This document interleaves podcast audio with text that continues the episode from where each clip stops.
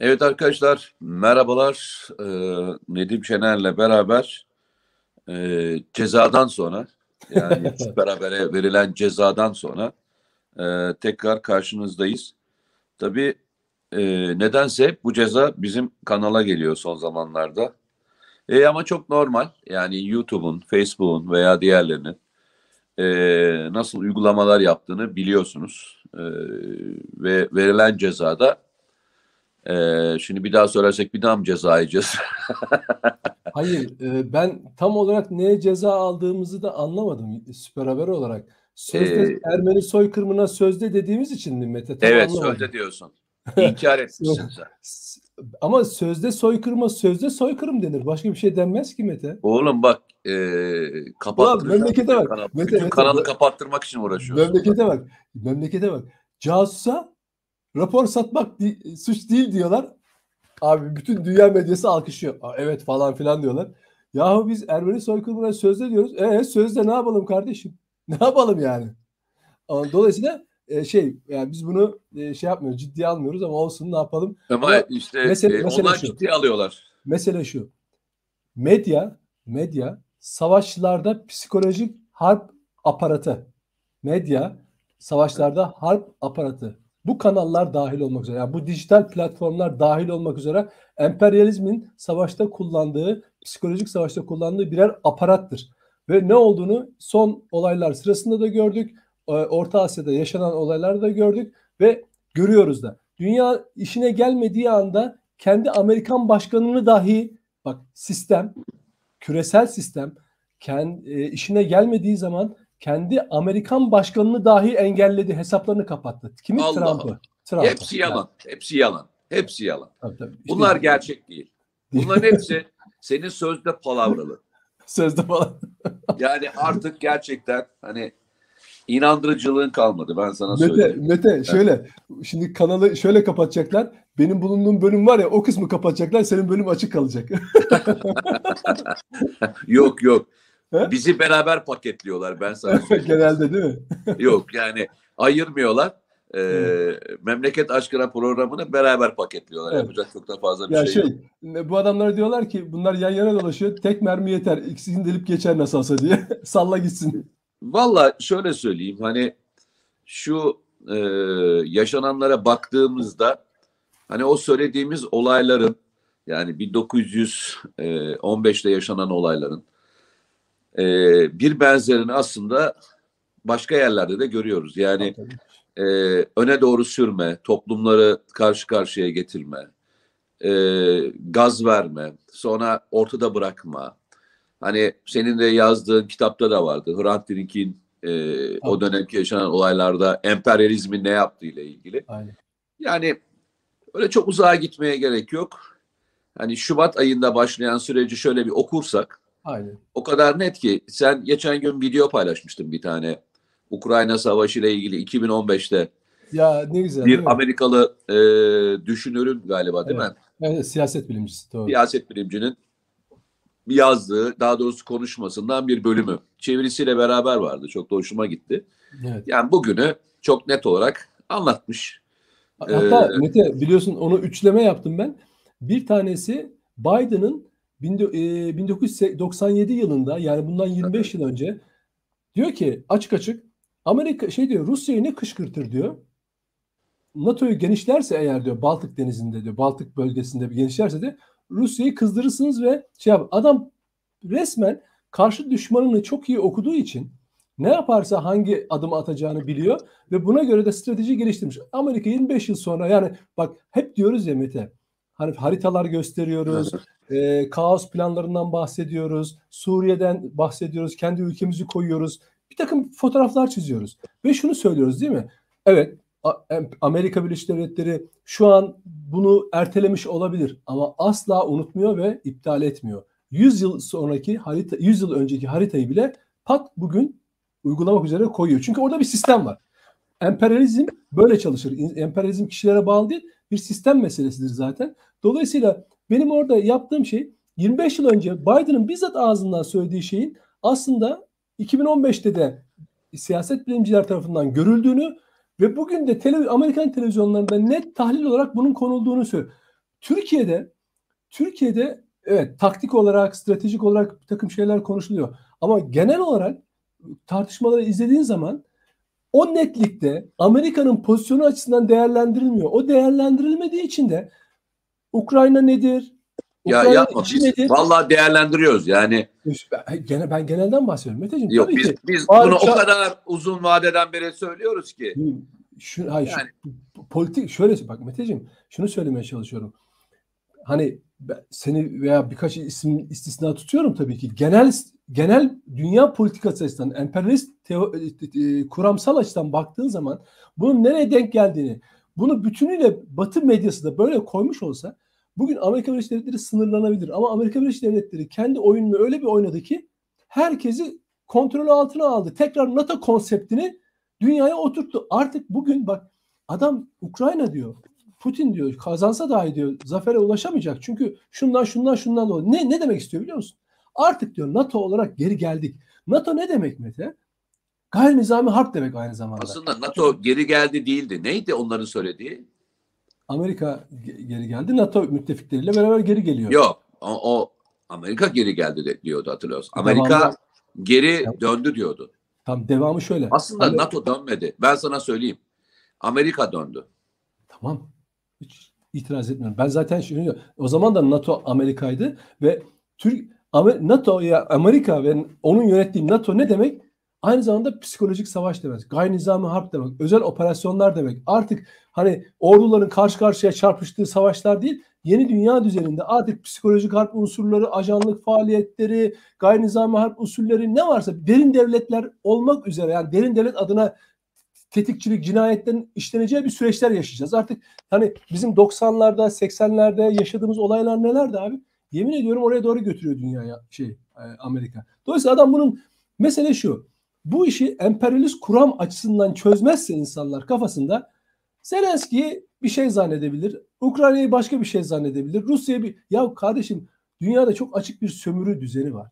Batı Amerika Birleşik Devletleri odaklı olmayacak. Bak ne yapıyor? Nasıl bir rezillik, nasıl bir tiyatro Mete. Özür dilerim böyle şey yapıyorum, e, e, hızlı konuşuyorum. Yani diktatör, e, işte otoriter, e, faşist falan dedikleri Venezuela'yı adamlar yeniden petrol ülkesi olduğunu hatırladı. Ya daha sen oraya kukla bir tane muhalefet atadın. Darbe yapmaya kalktın, suikast yapmaya kalktın. Ama şimdi ne zaman petrol fiyatlarında hareketlenme oldu? Bu sefer şey, hemen dibindeki Venezuela'ya petrol rezervlerini hatırlıyorsun. Peki kardeşim bu adamlar niye sefalet çekiyor?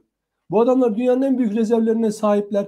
Niye sefalet çekiyor? Adamlar Enflasyonun sefalet peşinde- çekmesi çok e, basit bir nedenle ya. Tabii. Yani demokrasi falan değil. Amerika'ya Amerika'ya e, Aynen. peşkeş çekmiyorlar o kadar. Tabii tabii tabii. Ya Amerika isterse adamı e, bak dünyanın en büyük rezervlerine sahip olabiliyorsun. Diyor ki satamazsın. Kimse de ondan alamaz. Yaptırım koyarım. Şimdi Rusya mesela bak nereye getirdi olayı. Ekonomik savaş bağlamında. Rusya ben, Rus, ben almıyorum. Siz de almayacaksınız. Belli bir takvimde hiç almayacaksınız. Sıfırlayacaksınız. Alanı da bak yakında ne yapacak biliyor musun? Alanı da diyecek terör ülkesi aynı Rusya ile işbirliği yapıyor. Hani biz nasıl Rusya'dan S-400 aldık nasıl yaptırım koydu? Rusya'dan yarın petrol alanına aynı yaptırımları koyacak. Ben Amerika sana bir şey söyleyeyim. getiriyor. Orada da 200'dü. Hindistan da S-400 aldı. Hindistan'a uygulamadı.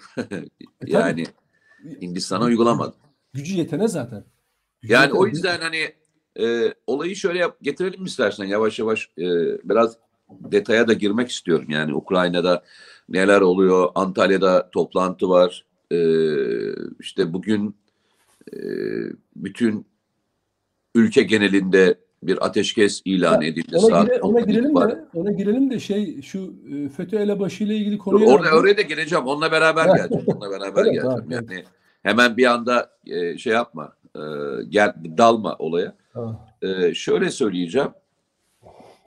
Şimdi tabii Türkiye'nin Ukrayna ve e, Rusya Dışişleri Bakanlığı Antalya'da bir araya getirmiş olması, getirecek olması daha doğrusu, ilk defa savaş sırasındaki en üst düzey bir araya gelme olacak. Yani Evet.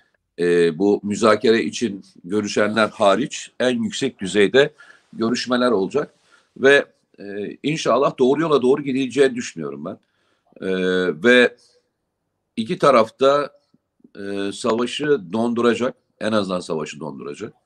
Sivillerin daha büyük zarar görmesi engelleyecek bir uzun süreli konuşmayı, savaşmadan konuşmayı becerecekleri süreyi kazanırlar diye dua ediyorum. E, dün bir sahne vardı gördün mü bilmiyorum. Yani e, beni mahvetti e, seyrederken. Aynı görüntüleri hatırlar mısın Suriye'de bir bombalanan e, çocuğumuz vardı. Şeye e, araca bindirilmişti. Üzeri üstü başı böyle toz toprak içerisinde. Hatırlıyor musun? Evet, evet tabii, tabii. Bir sözü vardı. Sizi Allah'a şikayet edeceğim diyordu. Hatırlıyor musun? Evet, evet, evet. Allah'a şikayet edeceğim diyordu. Ee, dün de e, bir Ukraynalı çocuğun e, Polonya sınırından geçtikten sonra annesinin peşinden gidiyor. Elinde oyuncakları var. Bir tane elinde çikolatası var. Ee, ama o kadar belli ki e, yaşadıklarının korkusu, telaşı, hüznü, ailedeki dramı o kadar doğru anlamış ki normalde çocuklar hani dersin yani oyuncağını verirsin, çikolatasını verirsen hani ağlamaz. Ama öyle bir hiç hıçkıra hıçkıra ağlayarak sınırı geçiyordu ki e, ve tek başına yürüyordu. Annesinin arkasından yürüyordu.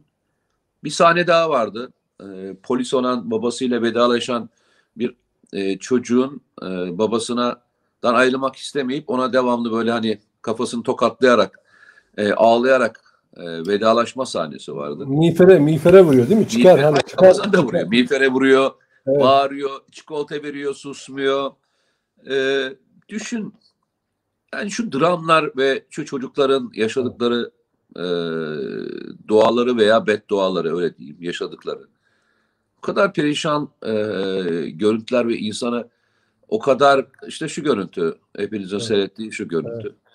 Yani o kadar adamın böyle hani e, yüreğine bıçak saplıyor ki. Evet. Bu sahnenin aynısını o sizi Allah'a şikayet edeceğim e, sözünü söyleyen e, muhtemelen ailesi ikisi de ölmüştü anne hatırladığım kadarıyla. Annesi babası ölmüş hem öksüz hem yetim olan çocuğun bedduası e, karşına gelecektir diye düşünüyorum. Sonra yine hatırlar mısın bilmiyorum. E, geçen sene biraz böyle anormal bir kış olmuştu. Suriye'de de e, çok soğuk havada. E, Suriye'de zeytinliklerin altında tek başına ölen bir kız çocuğu vardı hatırlarsın. Donarak hmm. ölen bir kız çocuğu vardı. E, ailesinden e, ayrılmış, ailesiyle kopuyor tabii bombalamalar sırasında. Ve muhtemelen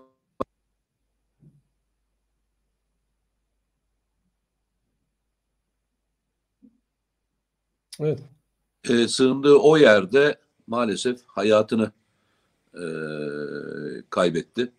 O sahne de beni hani anormal, hiç unutamadığım e, birçok sahneden bir tanesi.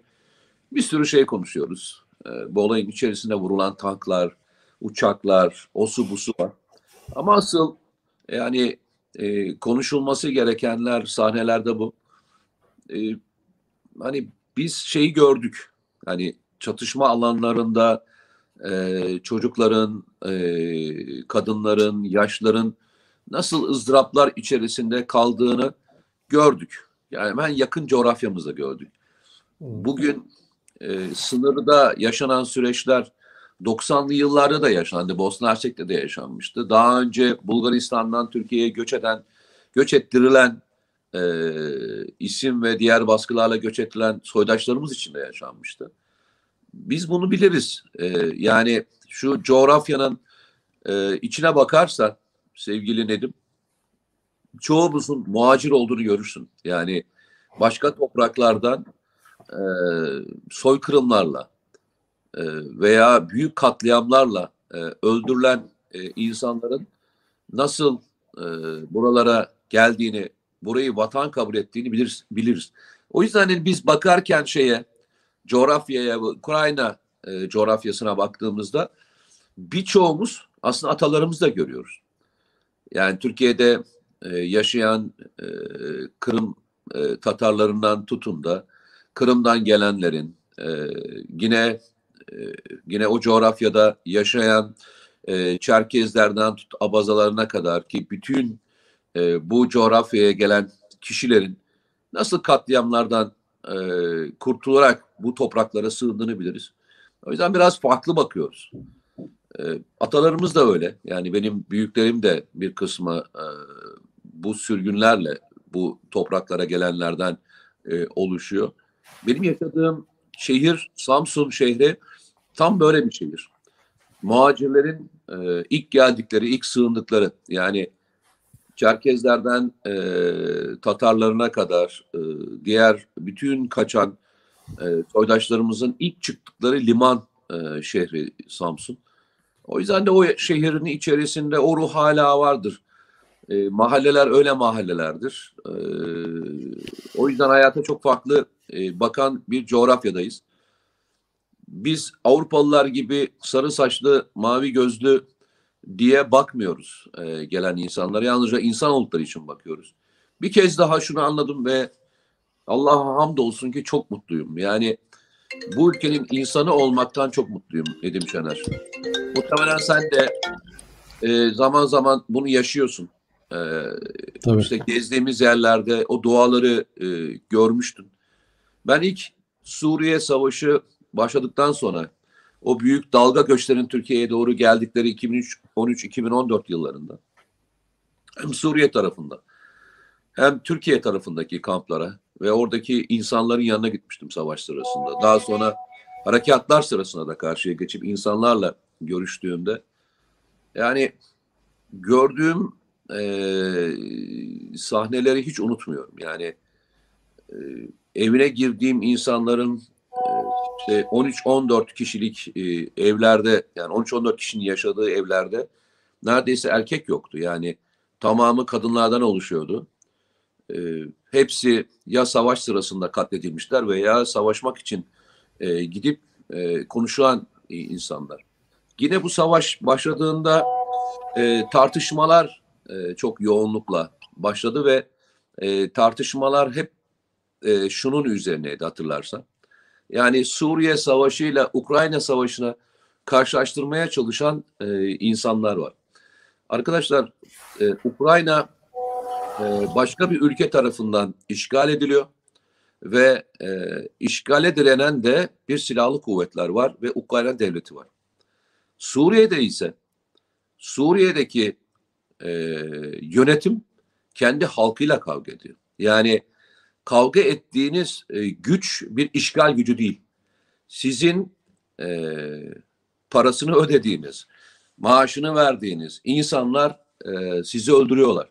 Yani kavga edeceğiniz yer bir işgal güçleri değil. Kendi vatandaşınızla bir iç savaş yapmak üzere e, e, savaş yapıyorsunuz. O yüzden e, Ukrayna'daki insanların refleksleriyle Suriye'deki insanların reflekslerini karşılaştırırken elma ile armutu bir tek meyvası aynı. E, ne tadları, ne şekilleri, ne yetiştikleri ağaç hiçbir şey benzer değil. Yapacağınız tek bir benzerlik varsa e, çocukların, yaşların, kadınların çektikleri ızdıraptır. Çünkü onlar e, bu ızdırabın tam merkezinde kalıyorlar. E, ben oraya bakıyorum. E, daha sonra hani yapacağımız yorumlar sırasında da diğer şeyler sırasında da insan olmaktan vazgeçmeyin arkadaşlar. Yani insan olmaktan vazgeçtiğinizde kaybedenlerden oluyorsunuz. asker olsanız da önce insansınız, polis olsanız da önce insansınız, istihbarat görevlisi olsanız da insansınız. Yani sahada çatışanlar da insanlığını kaybetmiyor. Ve o insanlığını kaybetmeyenler aslında hiçbir zaman da savaşı kaybetmiyorlar. Yani bu savaşın içerisinde hepimizin, e, senin de çıkarttığın dersler var. Önce insani dersler var.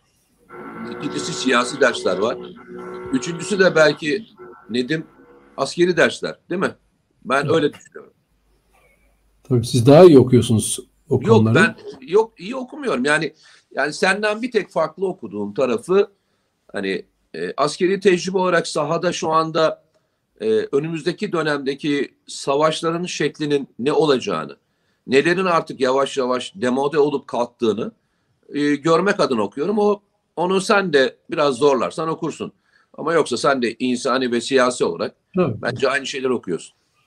Tabii. Yani araçlar şeyler e, değişebilir ama sistemin mantığı, savaşların mantığı ve dolayısıyla doğurduğu sonuçlar hakikaten değişmiyor. Yani Suriye'de sebepler, araçlar farklı olabilir ama sonuçlar hiç değişmiyor.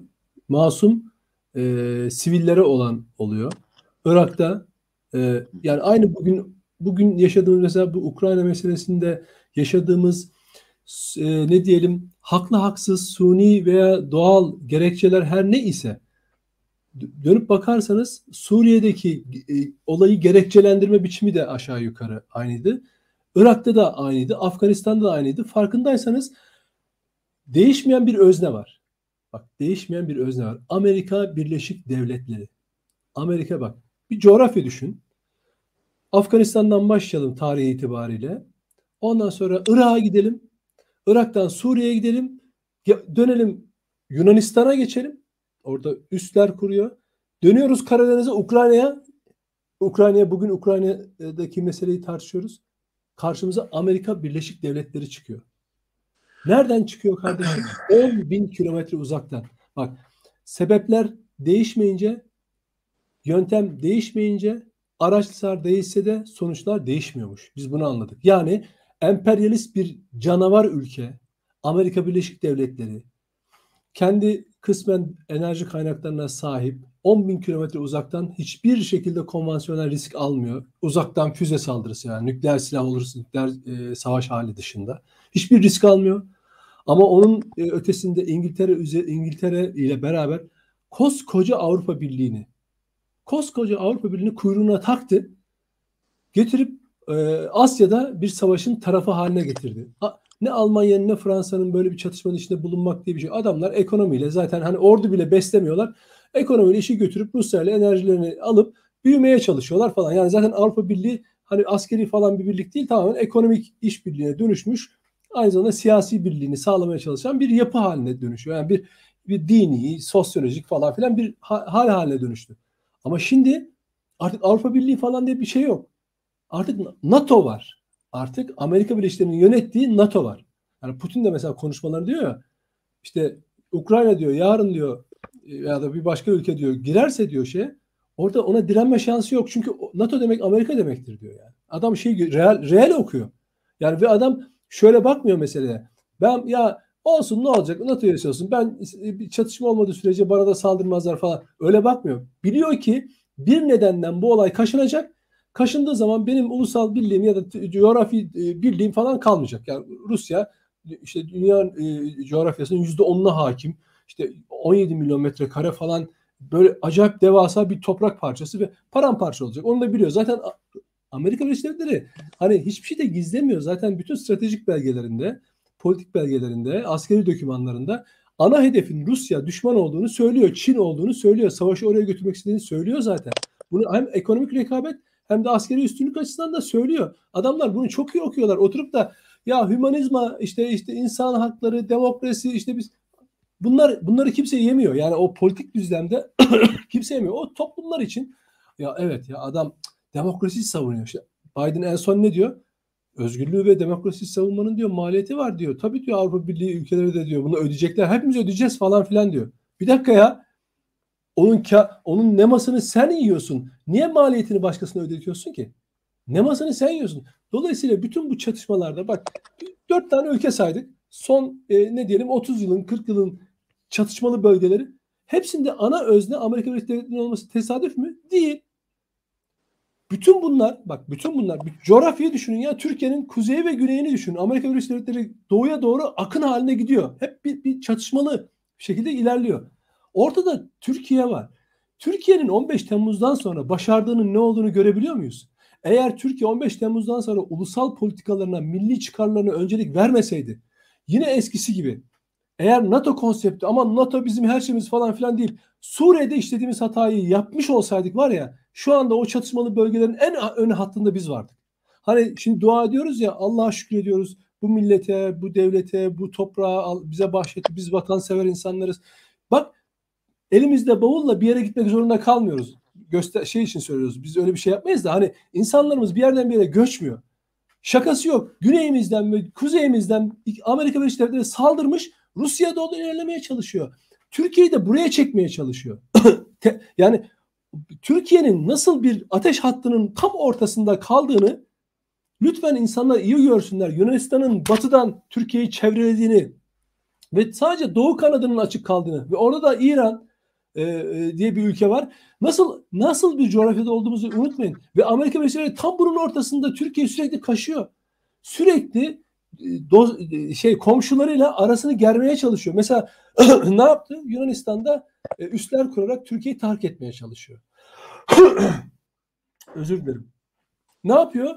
Akdeniz'de, Doğu Akdeniz'de e, e, Türkiye değil, Türkiye'nin düşmanlarını ön, önlemeye çalışıyor.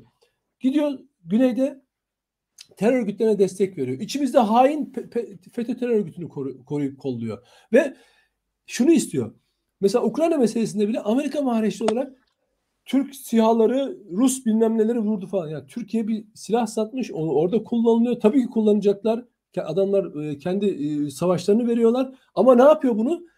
Bunu bir olgusal bir mesele olarak diye bakmıyor. Diyor ki bu e, şey e, Türklerin Ruslara karşı saldırısıdır imajı vermeye çalışıyor ki arayı gersin diye. Neyi bozmaya çalışıyor? Türkiye'nin tarafsız politikasını. Ama Türkiye bunu başardı. Deminden örnek verdiğin gibi Antalya'da yapılacak toplantı en üst düzeyde e, bugüne kadar gerçekleşecek bir toplantı. Umarım bak tek dileğim şu. Hani Zelenski en son e, bir Amerikan medyasına bir açıklama yapmıştı.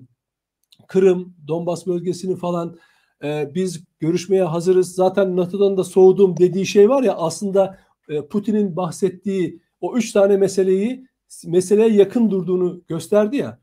İnşallah yar yani o şeyinde görüşmelerde Dışişleri Bakanlığı görüşmelerinde bu konuda anlaşırlar. Amerika Birleşik Devletleri ve NATO'ya inanılmaz bir gol atarlar. Yani inanılmaz bir gol atarlar. Ne, yani e, benim korkum ne biliyor musun? Ben e, e, Zevinski'nin e, eğer bu karar alırsa yani almadan önce yaşatmayacaklarını düşünüyorum. Ha işte, o, zaten o yüzden Blinken demişti e, şey öldürülürse Zelenski öldürürse B planımız hazır diye. Onu da söylemişti benim, zaten. E, çünkü farkındaysan eyvah, eyvah. eyvah eyvah. E, şöyle söyleyeyim yani e, Rusya'nın Rusya bir tuzağa düştü evet tuzağa düştü. E, ittirdiler mi ittirdiler. E, bu tuzağa düştü mü düştü. Peki bu tuzağa düştü. E, bu tuzaktan çıkmak için çaba, çabalayıp çıkabilir mi? En ucuzuyla çıkmaya çalışıyor. E, ama e, Ukrayna e, tarafını savaşın içinde tutmak için irade göstermeye teşvik edebilirlerse Amerika Birleşik Devletleri Rusya plan tutmuş olacak. Yani o senin söylediğin Biden'ın yıllar önce 97'de söylediği hikayenin başlangıcı zaten e, Rusya'yı yalnızlaştırmak, Avrupa'dan uzaklaştırmak, enerji piyasasından evet. çıkartmak, e, yeni Venezuela yapmak. Yani evet.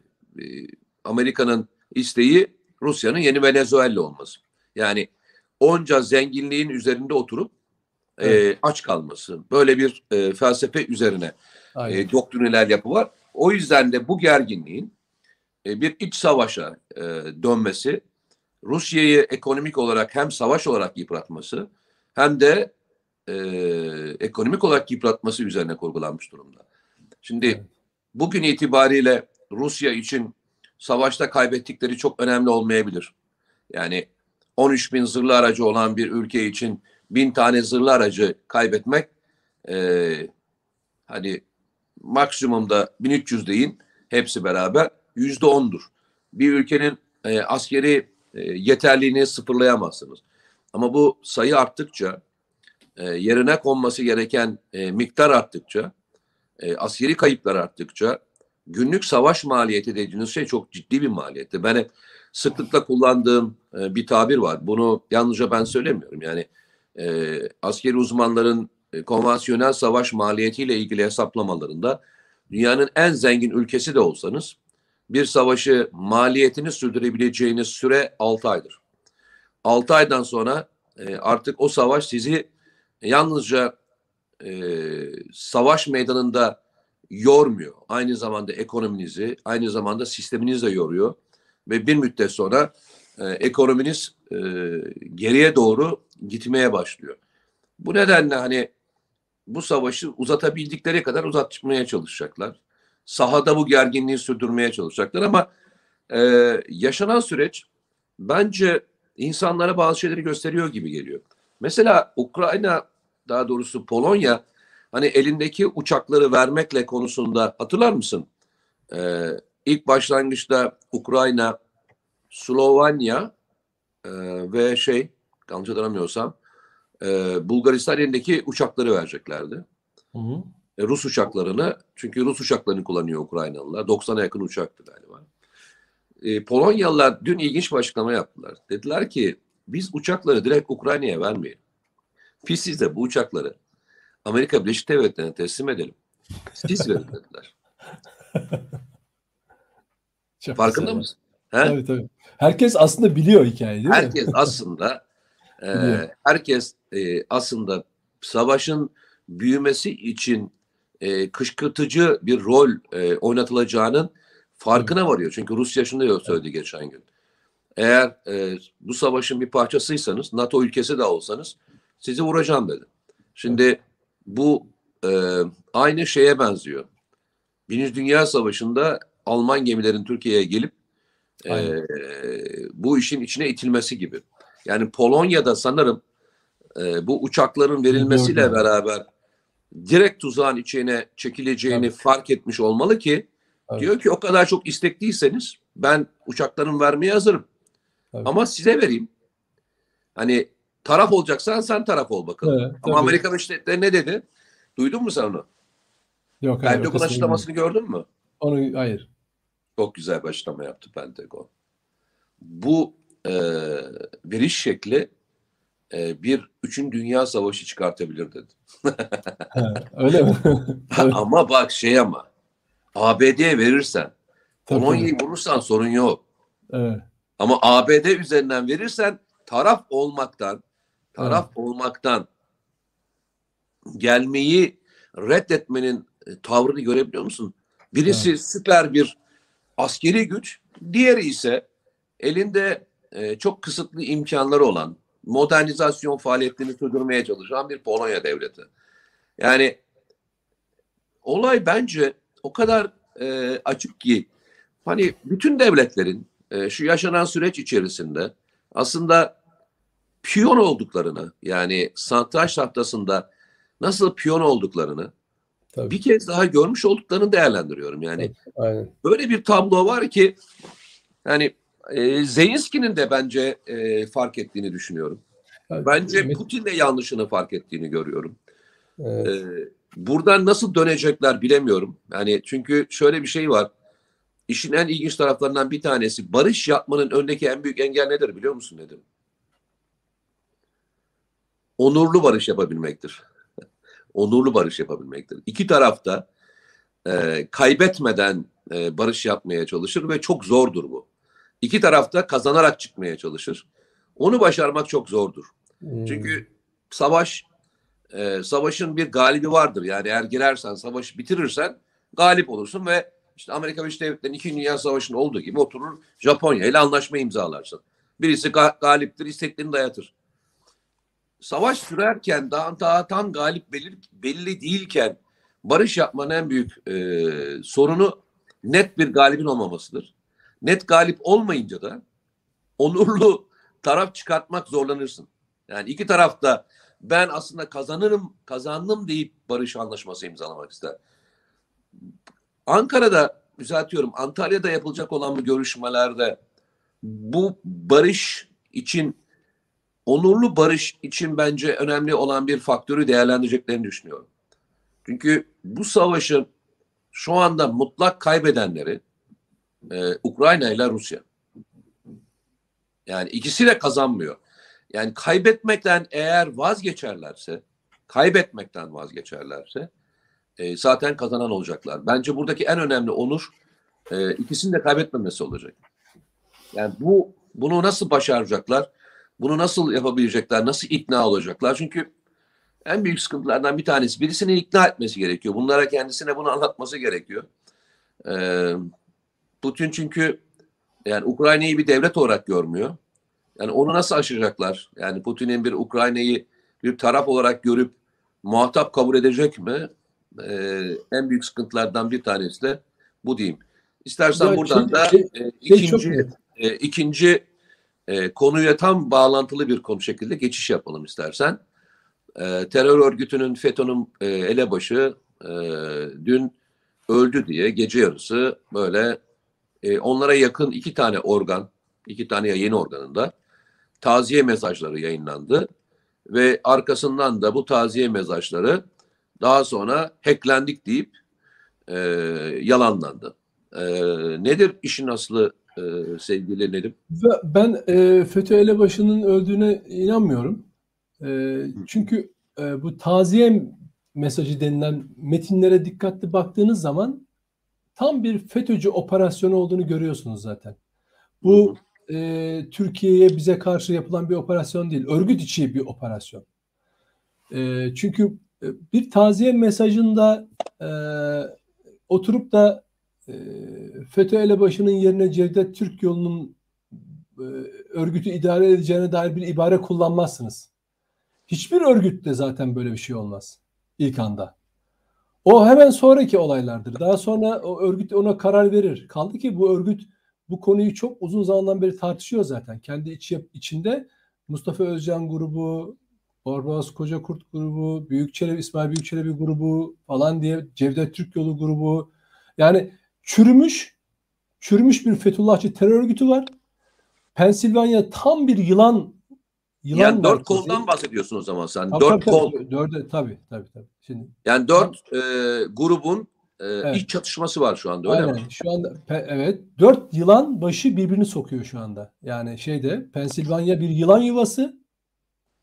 E, FETÖ elebaşının ölüsü üzerine tepinip örgütü ele geçirme derdindeler. Bütün para örgütün e, istihbari ve operasyon yapısıyla ilgili değil. Çünkü onlar zaten onların elinde bir mal. Yani Türkiye'deki bürokrat, asker, emniyetçi, işte tabandaki onlara e, mankurtluk yapanlar, onlar onların elindeki mal zaten. Onları nasıl mal gibi yönettiklerini onlar biliyorlar. Onlar da kayıp olmaz. Onlara talimatı verirsin, her haltı yerler. Yalan söylerler, iftira atarlar. Buradaki mesele örgütün içinde paraya kim hükmedecek? Yani paraya kim hükmedecek? Mustafa Özcan grubu mu? Cevdet Türk Yolu grubu mu? Büyük Çelebi grubu mu? Barbaros Koca grubu. Çünkü bu saydığımız isimler e, FETÖ elebaşına en yakınındaki. Yani mesela e, Mustafa Özcan Türkiye imamı. Barbaros Koca grubu hep para işlerine bakan en yakındaki adamlardan. Örgütün kuruluşundan biri var. Çelebi öyle. Büyük, e, büyük İsmail Büyük Çelebi. E, Cevdet Türk yolu bütün mahrem yapının başındaki istihbaratın bütün yani TSK, emniyet, MİT ne, ne varsa bütün mahrem imamların bağlı olduğu FETÖ elebaşının en yakındaki özel kalemi. Şimdi tabii ki sahip bildikleri şey ne var? Ör, yani bu örgütün yaptığı operasyonlar falan dünyanın e, Türkiye dahil olmak üzere bütün devletler bunu biliyor zaten. Bunun ne anlama geldiğini de bilinmeyen hiçbir şey yok bunlarla ilgili. Türkiye'de 10 bin tane itirafçısı var FETÖ, FETÖ'cülerin. 10 bin tane itirafçısı var. Kimi 3-5 kişilik grupları, kimi örgütün tamamını, kimi örgütün bütün yapısını anlatan 10 bin tane ifade var elimizde. Biz onun, onların DNA'sı çözülmüş durumda. Nasıl çalıştığını da biliyoruz. Bugün güncel yapı da öyle. Kendilerinin görülmediğini zanneden geri zekalılar orada burada para toplayıp oraya buraya yardım etmeye çalışıyorlar. Ayakta kalacaklarını zannediyorlar tamam mı? Yani kendilerince bir hesap gidiyorlar. Siyasi partilerin içinde yer alıyorlar. Yani şu anda siyasi bildiğin muhalefet partilerinin içinde şakır şakır çalışıyorlar. Şakır şakır. Başka siyasetçileri de korkutuyorlar, ürkütüyorlar. Bir güç oluştuklarını düşünüyorlar.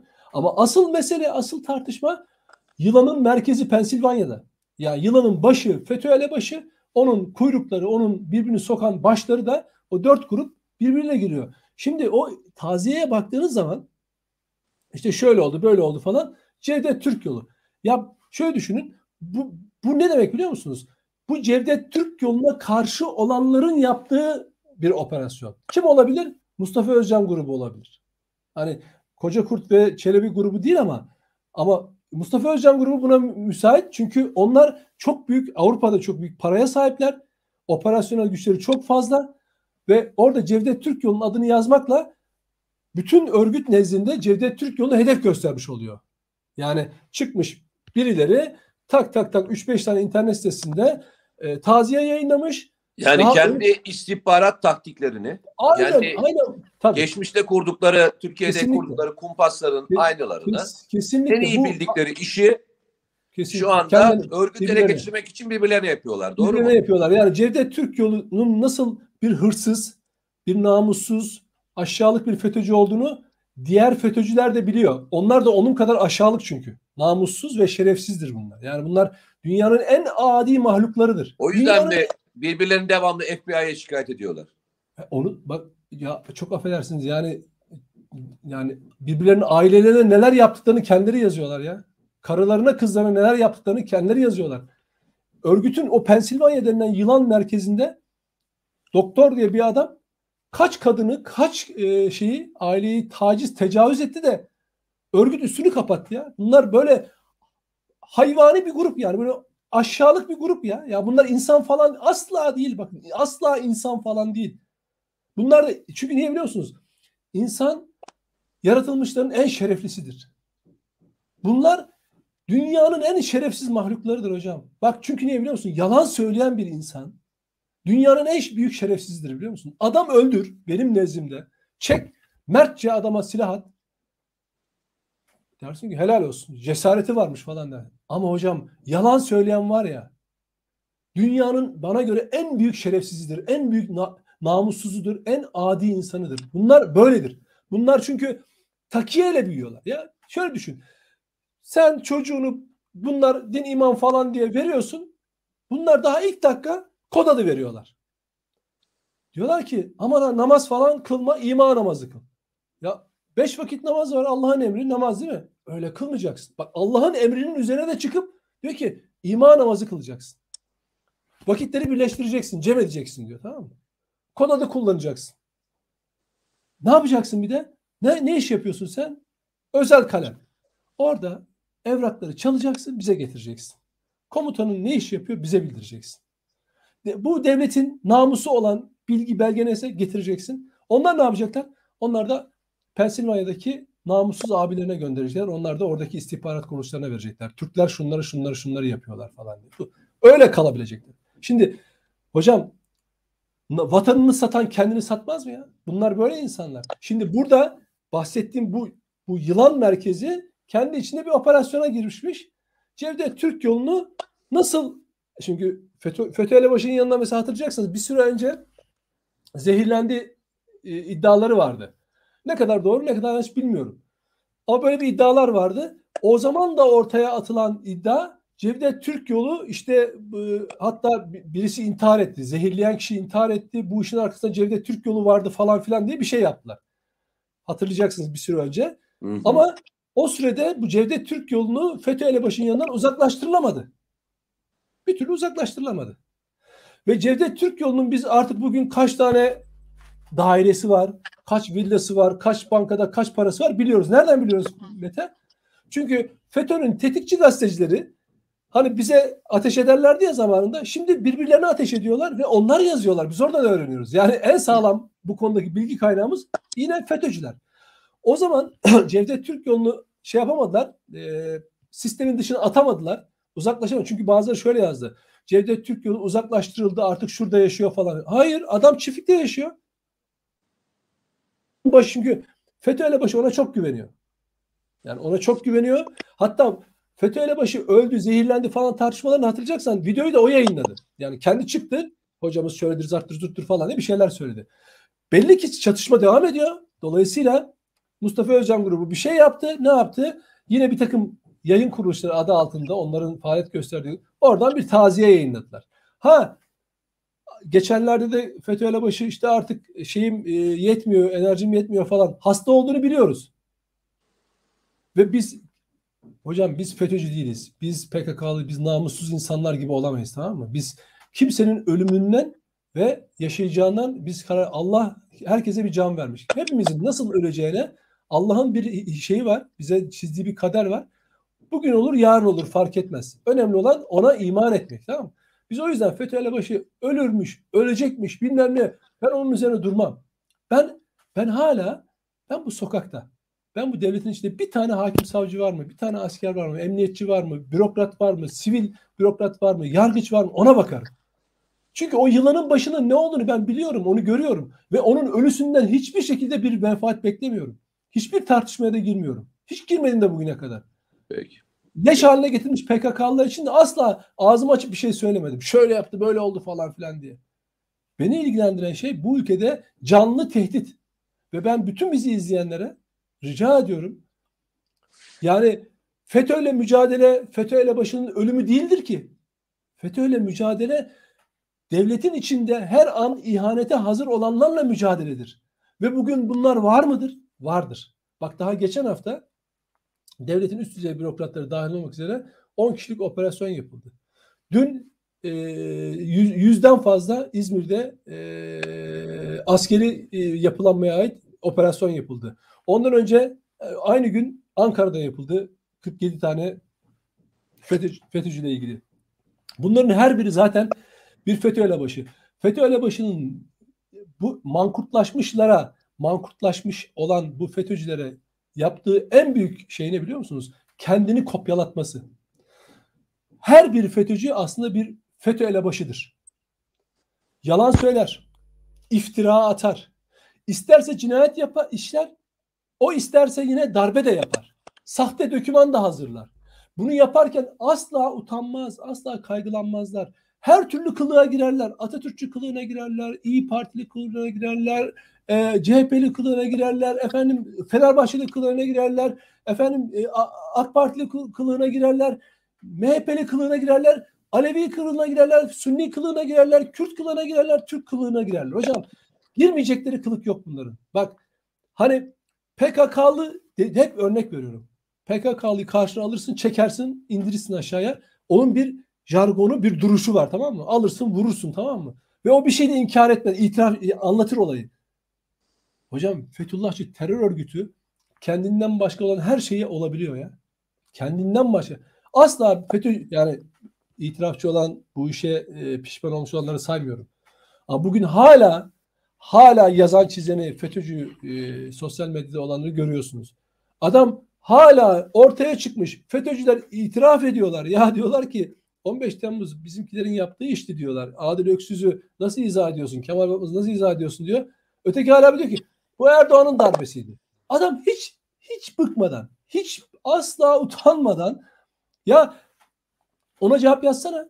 O da senin aynı zaman gazete, zaman, zaman isimli Paçavra'da çalıştı. Ahmet Dönmez mesela. Yaz Emre Uslu veyahut da işte Adem Yavuz Aslan. Yazsanıza sen ne saçmalıyorsun kardeşim? Böyle bir darbe yok. Bu Erdoğan'ın darbesi. Sen niye uyduruyorsun bunları? Niye yazmıyorsun onlara? Oturmuş ama hala hala bu şunun darbesi bu bilmem neyi oraya götürmeye çalışıyor. O yüzden hala böyle saçma sapan çocuk çocukça bile değil. De, geri döneceğiz mavalları okuyorlar. Niye? Niye? Zerre kadar itibarı kalmadığı için örgüt içinde hiç olmazsa 3-5 tane sığırı güdebilirim diye çobanlık yapmaya çalışıyor. Şimdi dolayısıyla karşımızda böyle bir yapı var. O yüzden insanlardan bizi izleyen arkadaşlardan rica ediyorum. FETÖ elebaşı zaten bir ölüdür. Yaşayan bir ölüdür. Bir daha ölmesine gerek olup olmadığını Allah'ın takdiridir o.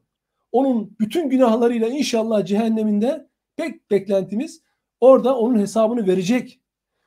Hiç bak bize yaptıklarını ve bu ülkeye yaptıklarının değil de sadece o mankurtlaştırdıkları, mankurtlaştırdıkları örgüt elemanlarının günahı onu cehennemde yeterince yakacak zaten. Bak hani Meriç'te boğulan diye örnek veriyorlar ya. İşte aç kaldı, insanlar sefil kaldı falan, KHK'lı falan. Onlar kendilerini nasıl mankurtlaştırdığını görecekler süre içinde de.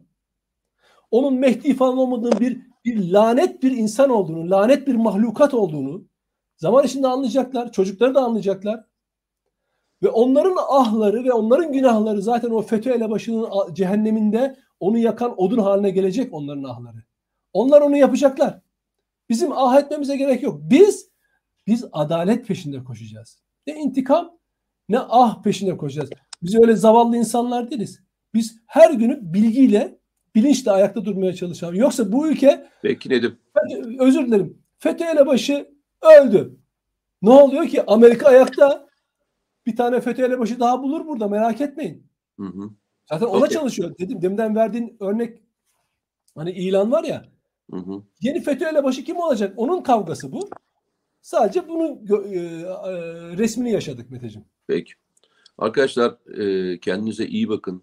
E, yani Süper Haber'e destek vermek için elinizden gelen ne kadar gayret varsa gösterin. Sonuçta e, sözde değil, hani, sözde değil, özde destek istiyoruz kardeşim. Aynen, aynen öyle istiyoruz. E, çünkü yani Süper Haber'e e, saldırı çok fazla. Yani yoğun bir şekilde bu baskı var. Elinizden geldiği kadar ya, ne yapabiliyorsanız. Süper Haber hiçbir şey yapmamış olsun. Bak, süper. Acayip işler yapıyor da Cengiz'in deyimiyle. Hiçbir şey yapmamış olsun. Cengiz bu e, ce, e, şeyin bu HDP'li neydi şeyin ismi? E, Semra Güzel. Ha, onunla ilgili fotoğrafları, görüntüleri yayınladı ya. Onları ortaya çıkardı ve o milletvekilinin düşmesini ve dokunmazlığın kaldırmasını sağladı ya. Bu bile bir basın tarihi açısından ödüllük bir meseledir.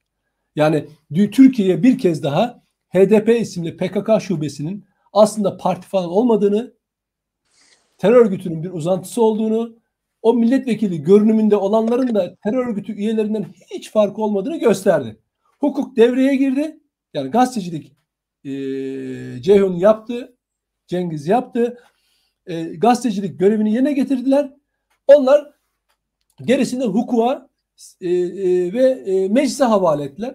Meclis de gereğini yaptı. Mesele budur. Hep ne anlatıyorduk? Kardeşim meclis meclis PKK'nın cirit attığı yer haline gelmiş. İşte bunu önleyici bir şey oldu bu. Bir e, habercilik oldu. O yüzden acayip işler yapıyorsunuz süper haberciler. Teşekkür ederim. Kendinize iyi bakın arkadaşlar. Süper haber çalışanlarını da bir kez daha e, tebrik ediyorum. E, bu kadar e, saldırıya rağmen e, mücadelene devam ediyorlar. E, çünkü e, bu bir savaşsa evet savaş arkadaşlar. Yalnızca Ukrayna savaşı yok. E, dünyada gerçeğe ulaşmaya engellemeye çalışan büyük bir grup var ve o gruplar... Ama Mete bir şey söyleyeceğim. E, Süper Haber'in kapanmasına da bizim sebep olmuş olmamız bence çok ilginç yani güzel oldu. Neden? Bu niye güzel olsun? Şöyle şöyle bak. Biz hatırlar mısın bu yayının en başında seninle yayına başlarken hatta ilk görüşmeleri yaptığımızda da memleket adı da memleket aşkına. Niye yaptık biz bunu? Dedik ki bu medya düzeni insanlara yalan söylüyor. Biz insanlara yaşadıklarını doğruca aktarmak görevini üstleniyoruz. Bu programı da onun için yapıyoruz. Yalan. Yazdı, söylediğimiz en ufak bir yalan veya yap, öngörülerimizde bir tane e, şey çıkarsa bununla da yüzleşmeye hazırız. E, yanlışımızı düzeltmeye de hazırız. Ama hep doğruyu söyleyeceğiz size. Bildiğimiz doğru neyse onu asla manipülasyon yapmayacağız. Ve o yüzden bizim söylediğimiz doğruydu. Sözde Ermeni soykırımıydı. Evet sistem de bizimle mücadeleye başladı demektir. O yüzden Eyvallah. hani Eyvallah. bu günlerin kıymetini bilin süper habere abone olun son zamanları olabilir. Eyvallah. Kendinize iyi bakın. Görüşmek üzere diyorum. Allah'a emanet olun arkadaşlar.